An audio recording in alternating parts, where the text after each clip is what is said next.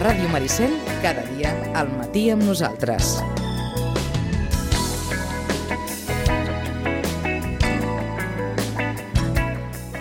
Un quart d'onze del matí d'avui divendres és hora de parlar de temps de família.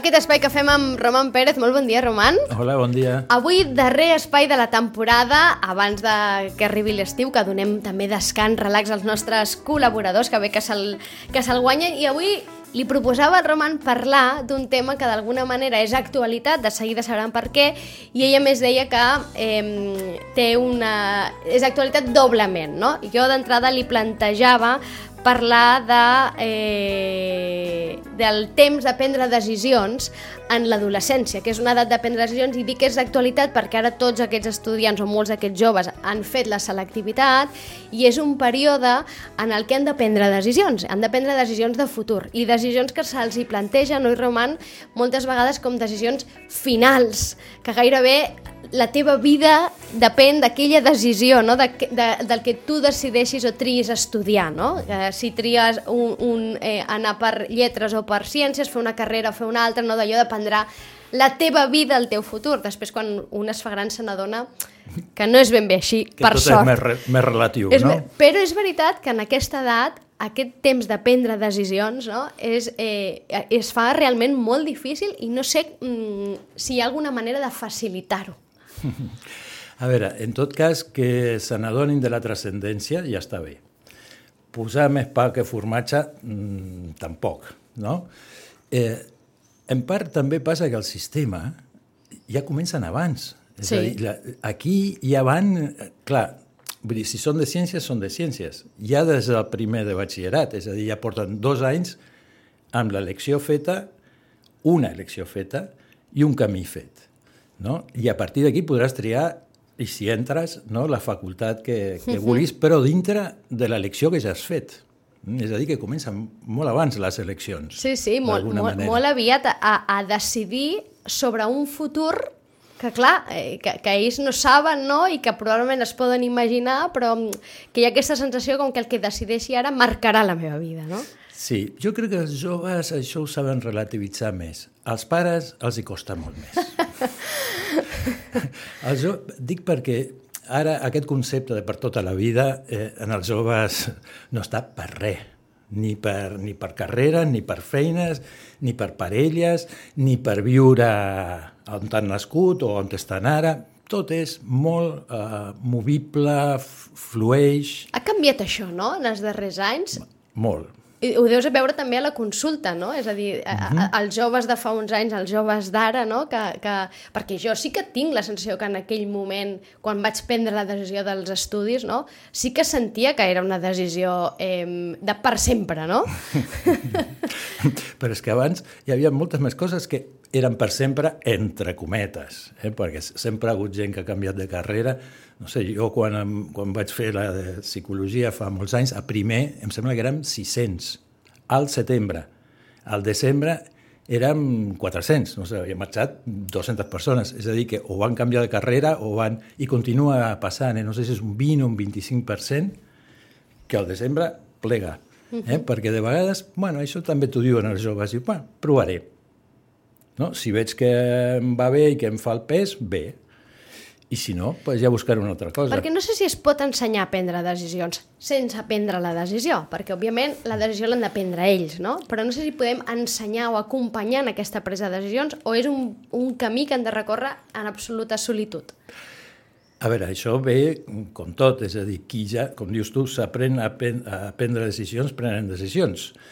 I hi ha tota una prèvia de decisions, és a dir, aquest jove, aquest adolescent gran, d'adolescent abans, quin lloc tenia en la família, per exemple, les seves decisions, o quant lloc li donaven a les seves decisions, això també, d'alguna manera, ja eh, posa eh, l'accent en que el que decideix és l'adolescent.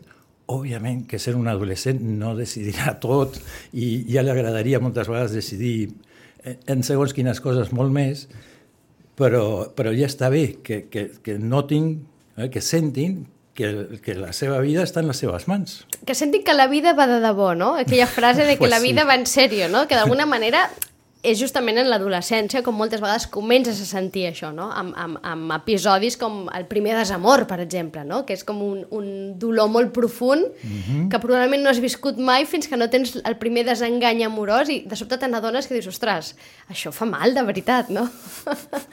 Sí, sí, sí, efectivament, ja justament estan eh, parlant dels de la selectivitat o, o han fet els 18 o estan a punt de fer-los. Eh, efectivament, ja han viscut coses, ja han viscut coses i moltes vegades també el, el que ha sortit d'un temps ençà és eh, com la necessitat, abans de saber què faran, saber qui són. Mm? I aleshores, clar, és com que... I quan els pares es posen molt pesats amb aquesta qüestió, però, però qui, com haig de decidir? Què faré si no sé jo encara? Ni, ni com sóc, ni ben bé què m'agraden, ni què vull. Primer necessito aclarir-me. I molts fan o l'any sabàtic, o viatgen, mm, fan coses buscant sa. Eh? Com si fos el primer. Abans com era? Escolta'm, tu ves fent el que toca I i, i, i- ja et descobriràs o ja, ja sabràs qui ets. És igual, no? Però, bueno, so, són com coses que abans no, no rotllaven i ara sí, coexisteixen, eh? Mm -hmm. Potser perquè abans també hi havia altres necessitats, no? De vegades abans, i ara parlo de fa molts anys, no? Però hi havia necessitat, t'havies de posar a treballar, sí o sí, no, ten, no podies parar un any i dir, me'n vaig un any a, a buscar-me i a veure si em trobo a mi mateixa, no? Ara potser hi ha situacions que t'ho permeten, no? Que dius, bueno, doncs no passa res, ja arrencaràs amb els estudis l'any vinent, ves un any a, a conèixer món, no? Que això és una de les opcions que fan molts joves, no? Anar a conèixer món. Sí, però que el coneixement del món és el del món intern també, del món, del món propi, de, de, de posar-se en situacions, justament, d'haver de decidir...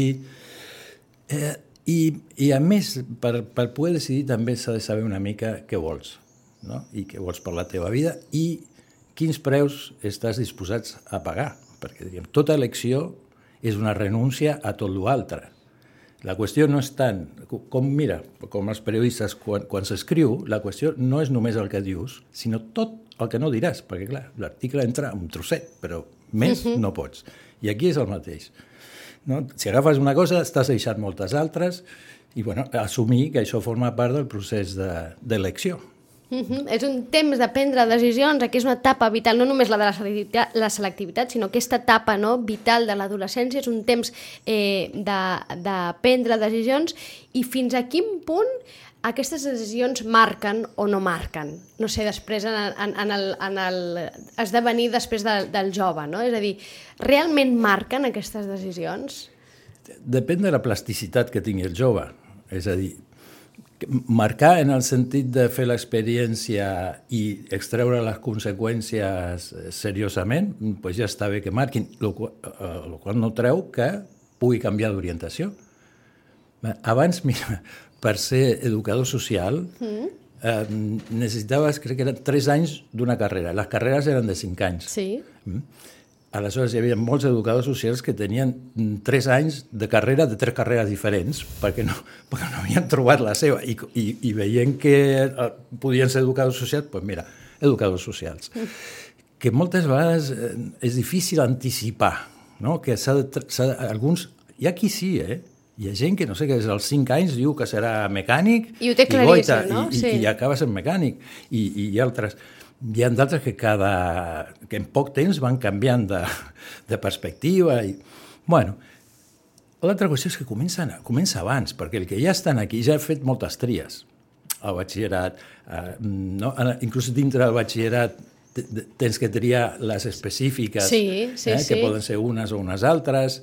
Eh, I aprendre a decidir també vol dir acceptar que t'equivocaràs segur. No? O sigui, que encertaràs en algunes coses i en unes altres t'equivocaràs. Que important aquest ensenyament, no? El d'aprendre que ens equivoquem. Sí, encaixar, perquè no sé com dir, això la vida no, no ensenya, directament t'aplica la, la correctiva. Uh, amb la qual cosa, anar encaixant de que això no és la fi del món uh, i, i que es reprenen les coses o es, o es, que es canvien les coses, s'agafen diferents camins, però en total, què és una construcció? I és una construcció que no és eh, en un punt crucial, moment de la decisió per tot el que No, són- Malgrat ho sembli, eh? I malgrat de vegades, i potser els mitjans tampoc no ajudem, eh? Perquè la selectivitat, titulars... I, clar, no sé si això ajuda gaire a, a justament a relativitzar, no? A que la selectivitat és un pas, és un pas important, han de fer una tria, el que tu vulguis, però no és l'únic pas, ni el més important, ni et marca de per vida, ni són decisions que no puguis modificar després al llarg de la vida, no? I és veritat que no sé si d'alguna manera la, la pròpia societat una mica els portem cap a, cap a aquest moment de tensió màxima. Hi havia també l'altre dia un, un article que parlava de l'estrès dels joves en aquest moment preselectivitat, no? I si parles amb els pares de, dels nens i dels els joves que han estat fent la selectivitat aquests dies, deien, no, casa meva és insuportable aquesta setmana, o sigui, no es pot estar, hi ha una tensió, és que és insuportable, no hi ha qui l'aguanti, a veure si falla l'examen dels nassos. I dius, home, aqu aquesta tensió, aquest estrès, que no sé si el generem una mica tots plegats, Bueno, la, la situació n'és una mica estressant, no? perquè és molta exigència, normalment dormen poc, eh, estan molt capficats, eh, una mica espantats, un punt d'angoixa normal, és a dir, per davant d'una cosa de transcendència, i poden estar més intransigents, només faltava una mica de calor per acabar de dur el, el còctel, Uh, I sí, els pares probablement... Però molts se'n van a la biblioteca, eh, directament, ja ni ho fan a casa per no aguantar. perquè no Per s'aguantin, sen- per no aguantar i per, per no distreure's en cap altra cosa. A la biblioteca només pots estudiar, no, no pots ni xerrar ni, ni mirar No hi ha altres tele. temptacions, no? No hi ha tantes tentacions. Uh -huh. uh, bueno, però, clar, jo, em sembla que, que apuntes a una cosa important i que és certa, que és que hi ha pressió, no? Sembla que la via regia, és a dir, o, o fas universitat, o tens una alternativa B o C, no? perquè la A és aquesta. No? Això és una cosa absolutament falsa eh, i que podria ser opinable, que cadascú tingui la seva opinió, però és cert que professors eh, apunten aquí, és a dir, tot el que no sigui fer el batxillerat és opció B o C. O sigui, com si no pogués ser opció A, dir no, no, no vull fer batxillerat, vull fer un cicle. On més feines falten Cert. és en tot el que té a veure amb els cicles formatius. Cert, mm? cert, cert. Hi ha una gran, i una gran falta i una gran demanda, a més a més. Eh? Efectivament, uh -huh. efectivament. Amb la qual eh, no, no hi ha garanties. No, no, no hi ha la, la bona elecció, ni, ni garanties, ni són universals, ni valen per tothom, eh? amb la qual cadascú... Per tant, no hi ha opció A, opció B, opció C, no? Hi ha diferents opcions, però són totes igual de A o totes igual de B, no? Efectivament. A veure, i que depenen del que vulgui fer, o, clar, si vols fer una enginyeria, vale, clar, això, trobar un cicle eh, més complicat.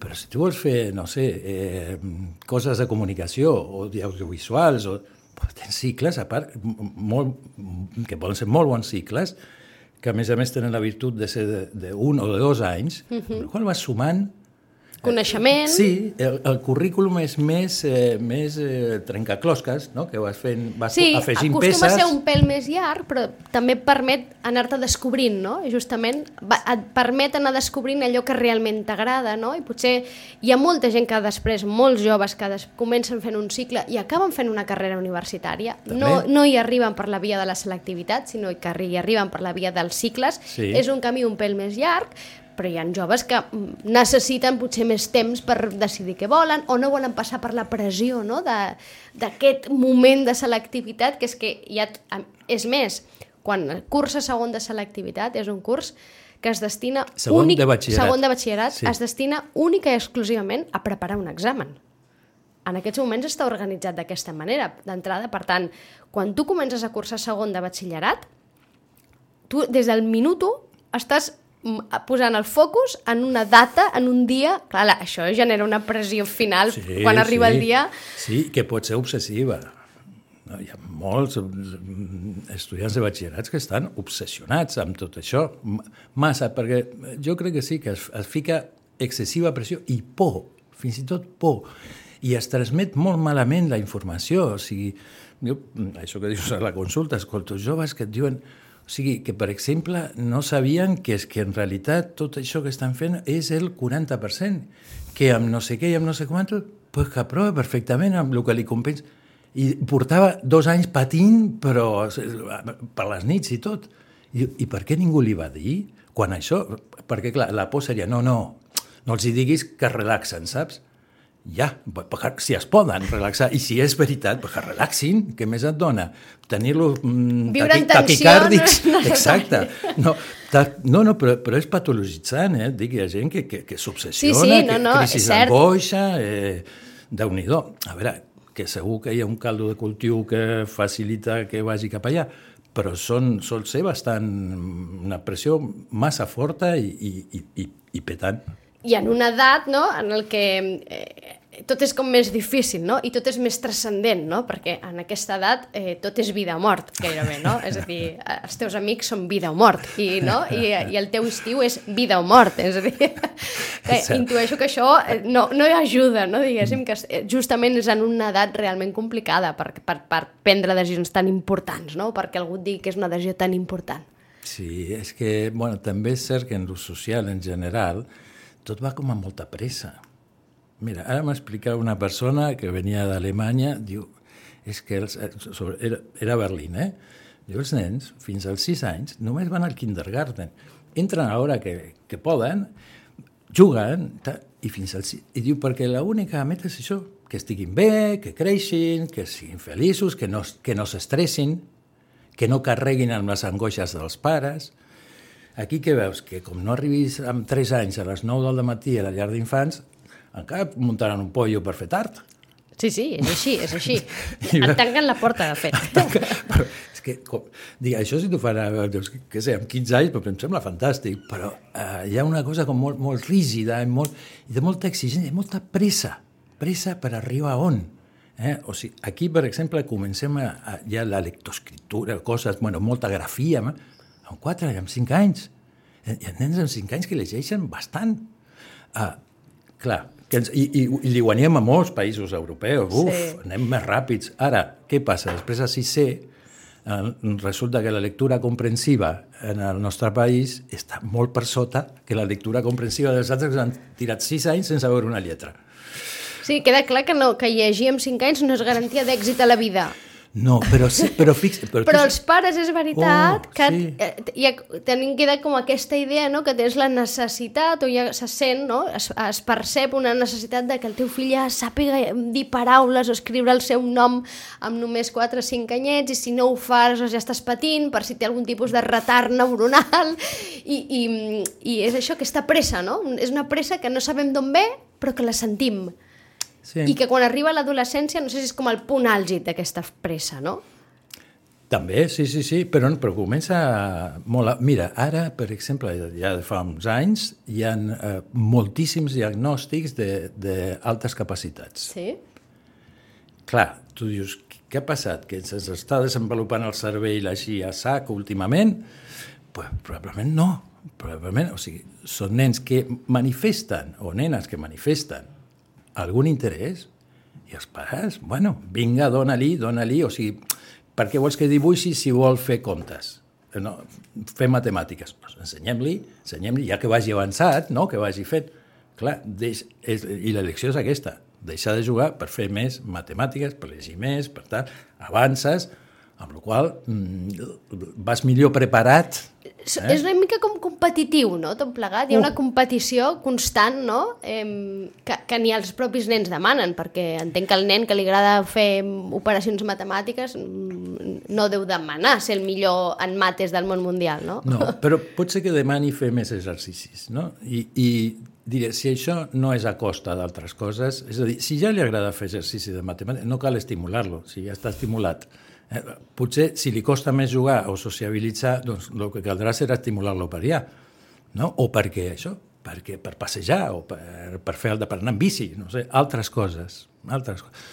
Eh, sí, sí, hi ha aquesta idea de que, de que ens hem de preparar vam- del naixement ja. Naixement ja hem de, hem de sortir ja amb una Clar, i preparació. quan arribes a l'adolescència es pregunta, i m'haig de preparar per què, no? Bueno. Que és com la gran pregunta, per què m'estic preparant, no? Sí. I saps que amb això de les altes capacitats, vull dir, intel·lectuals, perdó, Sí, eh? sí, sí. Diguem-ho tot. Sí, sí. Eh, no són tot, o sigui, és el preu, una altra vegada, d'altres capacitats que no es despleguen. Mm? És així. Per tant, eh, eh, entenc que de totes aquestes altes des capacitats que ara es diagnostiquen, moltes venen com forçades o ni tan sols són altes capacitats o, o són capacitats desenvolupades però no mm, una cosa realment eh, innata, diguéssim, sinó d'alguna manera forçada? Bueno, sempre, sempre és difícil de dir què, és, eh, fins on arriba l'innat, això, els biòlegs, els neuròlegs, eh, però que costa molt de dir quan hi ha de el que sabem és que tenim aquesta possibilitat de, de segons el medi en el que estem i, i el que tenim i, el, i, i els estímuls i la manera de vincular-se, doncs fomenta més unes coses que d'altres. En general, a veure, això també, la vida dels nens està molt més estimulada, per no dir hiperestimulada, perquè tot el món audiovisual són estímuls. Són estímuls. Què feien els bebès abans quan passejaven o quan anàvem al cotxet d'un any? Per mirar la tenda, cantar, i ara veus el bebè amb la, amb la, la tablet, tablet mòbil, i la mare sí. amb el mòbil, el pare amb el mòbil. Dius, això és estimulant. I estem, això, hiperestimulats. Es protegeix poc, en aquest sentit, no? la infància, de, com un temps, justament, tenen tota la vida per fer això Mm, quin... O sigui, abans dels dos anys, donar-li un mòbil a, a un nen o una nena, és que... Per què?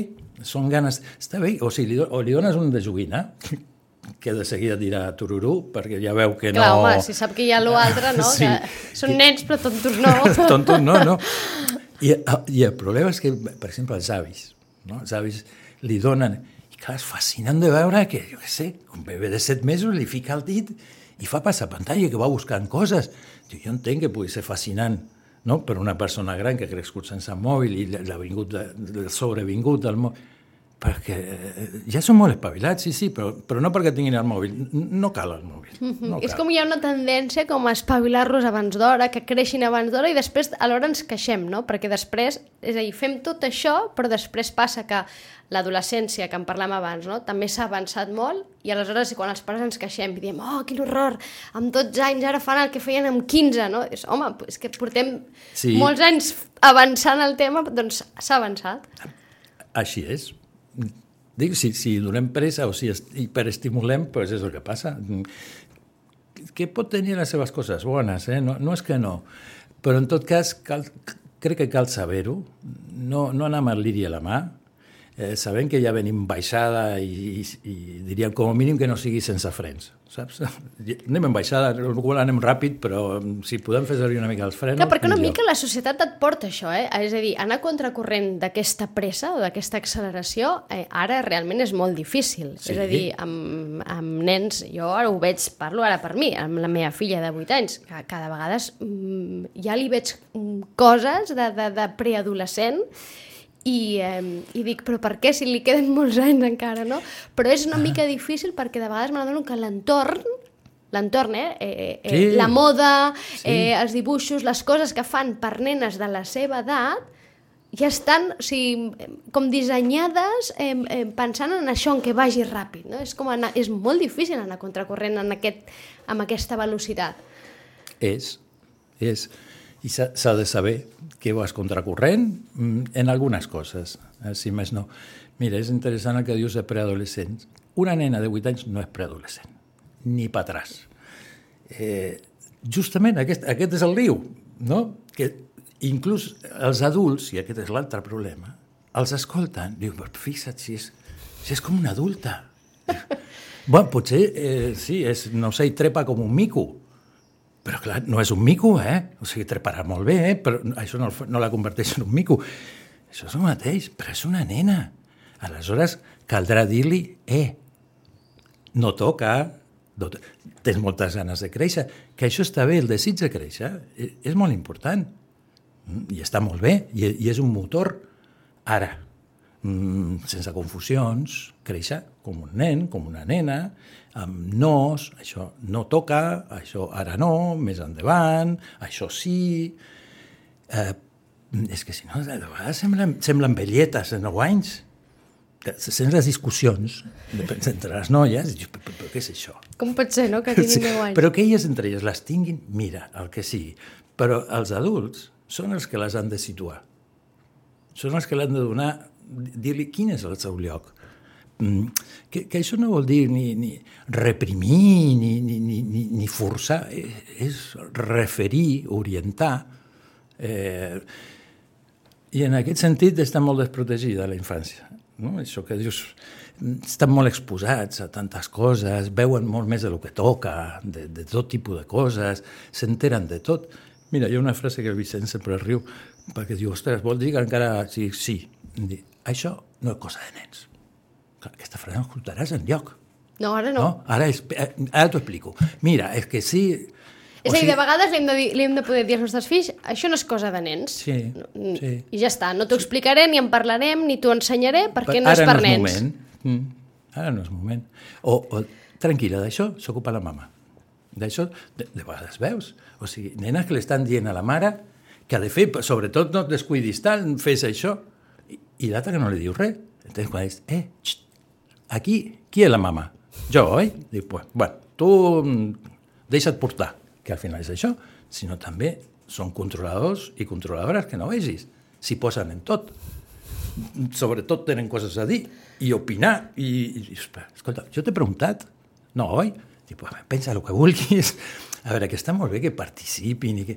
i mira que hi ha coses per participar, perquè diguin la seva, per escoltar, fantàstic. Però n'hi ha d'altres que no toca. I això ho han de saber els adults. I aquest no toca fins a quan arriba? És a dir, arriba un moment en què ja toca tot? Uh, arriba un moment en què toca tot. Bueno, uh, a partir dels 18 segur. I mira per on, no vegi com costa. Ara, és que, és que com, com, però això no hauria, li vindria tan bé fer, no sé, és que ja li dic jo que el, el que té que fer, després ja has fet tard per dir el que té que fer. Perquè ara ja ho tria ell, no? Efectivament, ara el que té que fer no és el que diguis tu, el que és més, si va fent el que li dius tu, com, vols que, com, com s'ha de fer adult? Com ha de créixer?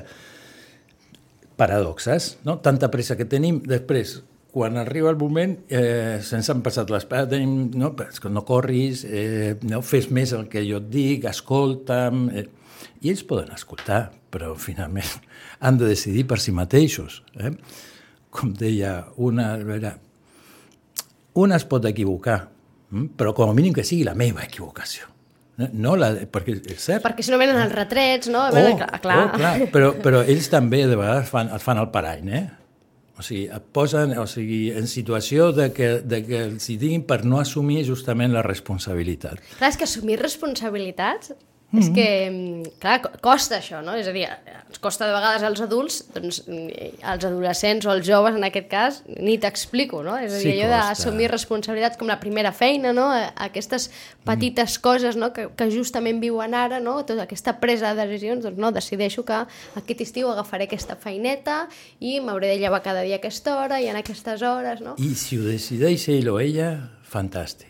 Eh? És diferent quan els pares comencen, ja està bé, la vida que et pegues i tens que treballar. L'altre dia em deia una noia, diu, que escolta, m'està matxacant, m'està matxacant, mama. Ja té 17, eh? Diu, he, he trobat una feina de 6 hores, que no, que ha de ser de 8. Dius, però per què? Per què té que ser de 8? Diu, perquè sí, perquè els, els treballs són de 8 hores i tu has de saber el que és...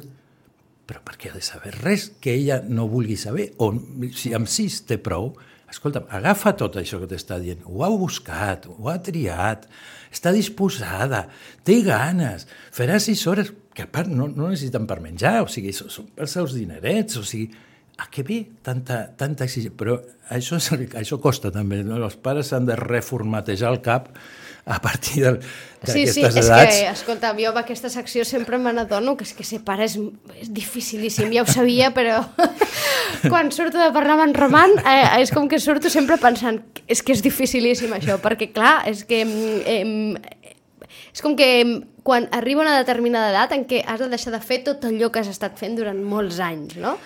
Però són processos que van, són graduals, són graduals. Eh? Eh, amb, per exemple, això es nota molt entre el primer fill i el segon fill. No? Que, que els primers fills sempre ho diuen, escolta'm, jo fins als 12 m'acompanyaves a col·le, aquest amb 7 va caminant. Diu, què, què, què ha passat aquí? Mm. I, bueno, passa que els pares, bueno, va, ja tenen altra relaxen, tranquil·litat, relaxen. es relaxen. bueno, jo crec que parlant d'exigències, ara Escolta'm, eh, sembla que els pares han de donar compte de tot el que fan i anar mostrant que és que són uns pares de primeríssima, que fan tot el que diuen tots els manuals, guions, autoajudes... Dius, pues no, per què? Per què? O sigui, cada part... Que és complexa, sí. Que amb el segle XXI ho és més, també. També. O sigui, abans les referències eren clares. Podien agradar o no agradar, podien ser més saludables o més insanes, però eren clares. Ara Dius, bueno, la lactància. Pues, tria, tens... Mm, o sigui, hi ha qui et diu que això, que a, a demanda, hi ha qui et diu, no, no, mira, sis mesos, això els pediatres, per exemple, sis mesos igual que xuta, eh, jo crec que els psicoanalistes dirien més, tira, tira una mica més, que entre, entre... Però bueno, fins a la sortida ja de les 10, 8, 9 mesos, o sigui, amb el destete també com una Sí. cosa gradual, els pediatres, perquè, i, i nosaltres ho diem des del punt de vista de tot el que significa el, el vincle, El vincle. materno, maternofilial i filiomaternal. Els pediatres abans, que és igual, home, no? Per, per què? Molt més pràctic, li dones de pot i, i escolta, i així la, la, la parella també li pot donar. Clar, mm, ja després no ho van poder dir perquè s'ha demostrat que la... Però és un problema, per ells és absolutament una qüestió biològica i, i fisiològica, perquè la llet materna és imbatible en quant a, Sí, sí. a No, no s'ha trobat, coses. no s'ha trobat cap altra llet no? que la pugui eh, igualar. Eh? Hi ha Mhm. mil llets de fórmula que, òbviament, funcionen i molt bé, però eh, no s'ha trobat la fórmula eh, que, que sigui idèntica a la llet materna, perquè cada llet materna de cada dona està dissenyada Per al seu nadó. bebè, no? Així és. Sí, sí, és veritat. En- L'altre dia que parlàvem, amb, parlàvem de temes escolars, eh, treia un article de eh, Carles Capdevila, Uh -huh.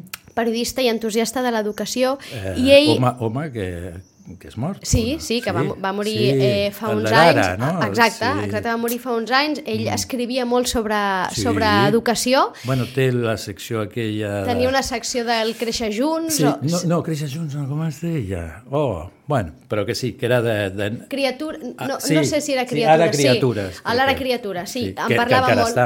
Mm. I ell eh, sempre deia que eh, eh, fins al primer any de vida hi havia centenars i milers de manuals que t'explicaven des del part, des del parir, eh, fins al primer any de vida. Diu, clar, diu, ell sempre deia, em sorprèn molt perquè el part no és res més que... Ai, el part, l'embaràs no és res més que esperar.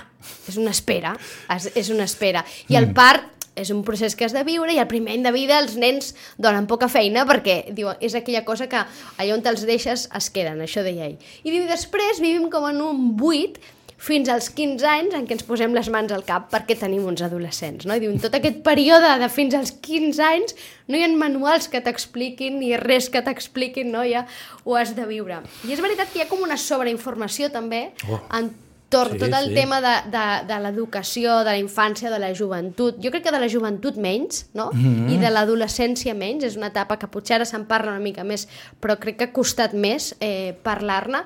Però sí que trobes eh, llibres, eh, consells, coach, jo què sé, de tot, de sí, tot. És, una, és un element de consum. I es ven, es ven molt, sí, sí, es ven molt perquè hi ha molta demanda i es, es compta amb que els pares tenen moltes ganes de fer-ho molt bé i clar, sembla que les coses s'aprenen als llibres, no serà pas amb el teu nadó que aprendràs. Eh? Eh, mira, ara deia una mare i dic, dic fantàstic, dic, tu no saps com gateja, té 11 mesos i, i va a tota llufa, però no camina. I ella diu, bueno, mira, viu, viu en una granja, diu, va, perdó, va a l'alçada dels gossets, de les gallines, diu, i ell encantat de la vida, diu, bueno, ja caminarà. I ja, diu, però totes, diu, Sí, ara amb les segur. amigues, ja quan les veig, ja el primer que li dic, ah, no, és que el meu no camina, eh? Ell gateja. Diu, per, perquè no m'ho preguntin.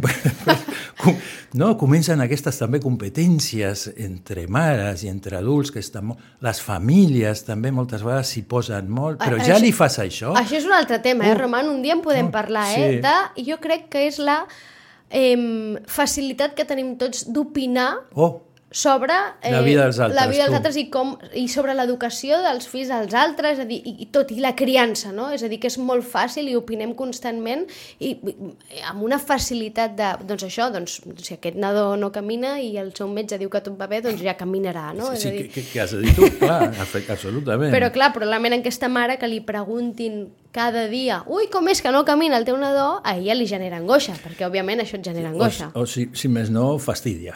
Exacte, no? o, si més, o, o si més no, no agrada.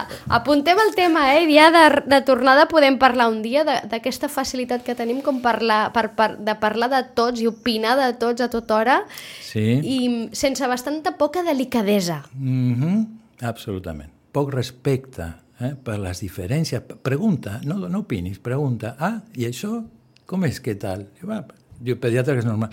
Ah, i a tu això et molesta molt, et molesta... O sigui, I no vinguis, perquè és opinió barra judici, barra crítica àcida. Sí, sí. Mm? I això al final es basa en aquesta comparació que ens fem constantment de, de tots i de tots, no? Que hem de ser, jo haig de ser com la del costat i el meu nadó ha de ser com el nadó de la del costat. Bueno, i, i... no, no, una mica més, eh? Ha de ser millor. ha de ser millor, home, com el de... Mínim, mínim, igual. I d'ahir per arriba. És una competència... És una... Vivim en competència. És esgotador. Aquestes coses són humanes, però una altra vegada, sabem que ja tenim tendència, bueno, però fem servir el freno mm, i, i relativitzem una mica. Tu dius que, que, que difícil, que comple... és complexa, la... i sempre ho ha sigut, però el que és molt important, i davant de tot això costa, és que els pares eh, mm, es posicionin però d'acord a com són, el seu caràcter, la seva manera de ser, el, el vincle que tenen amb els seus fills, les característiques, i això no t'ho dirà cap llibre. Mira, una consulta d'un nano que, que, que em diu la mare porto, no aguanto més, és que està hiperpesat, va tot el rato demanant-li als amics, però, però, però jo sóc el teu millor amic, però... Tal. I li dic, mira, el que passa és que això no li, el que li contesti l'altre... És que ho torna a preguntar cap de 5 minuts, aquest és el problema. Va, va, passa tot, I a la mare igual, i patapam, i patapam. Diu, clar, és que això, així no ho sabrà mai. Ell ho ha de sentir, ho ha de saber ell. Eh? I això no li pot dir un altre. No li pot dir un altre. S'ho ha d'anar trobant. En tot cas, podem veure per què no està segur o perquè no està més tranquil. Eh? Però en el llibre no, no ho trobaràs. Aleshores, els pares no han de seguir llibres, ni Googles, ni... Han de seguir una mica això, agafar posicions. I no hi ha, de, com dir-te, hi ha insaludables, o, o, o, però no hi ha millors o pitjors. Hi ha, hi ha diferències. Escolta, en les parelles, hi ha diferències de posició i els nens i les nenes aprenen que quan estan amb la mare o quan estan amb un, dic, amb la mare o amb, amb un dels dos de la parella, uh -huh. dic per deixar-ho Sí. sí. obert, uh, poden fer determinades coses i que amb l'altre mm, poden fer unes altres. I de, bueno, això que sempre s'ha dit dels, dels fills de pares divorciats, no? aquest, clar, sap qua- a què ha d'anar amb un, a què ha. Sí. Bueno, pues no només amb els, amb els divorciats, eh, ho saben no. fer per les diferències que ja veuen, Ah. eh, ja saben que, jo què sé, la mare es posa dels nervis i no sé què, i el pare es posa dels nervis i no sé quantos. Diu, bueno, pues ja intenten navegar, no? És a dir, que no, no fa falta ni una cosa ni universal, perquè si no sembla això, que hagi, només hi hagi una manera de ser bona mare i una manera de ser bon pare i una manera de ser bon fill, perquè tot això té la seva contrapartida, eh? I els fills és el mateix, o sigui, són molt diferents entre els germans i amb els altres nens, les altres nenes. I una és bona mare a ratos. Ah, això. No? Sí. És bon pare a ratos i un és bon fill a ratos. Ser-ho tota l'estona jo crec que és impossible. Al final, si al fons la intenció és bona, que sempre hi és, no? o gairebé Mhm, sempre sí, diríem, sí. o hauria de ser bona, doncs és el, el, el, entenc que el que compta. I en tot cas, és, és veritat que és difícil, però en general deu ser molt satisfactori perquè continuem sent pares i mares i tenim Sí. fills. Per tant, deu, la satisfacció queda clar que al final, en el còmput final, malgrat tot, malgrat tenir nens adolescents insuportables a casa o el que sigui, en el còmput final pesa sempre per bé. Mira, això és molt clar. Amb els, amb els que tenen un fill, dius, bueno, no sabien on es ficaven.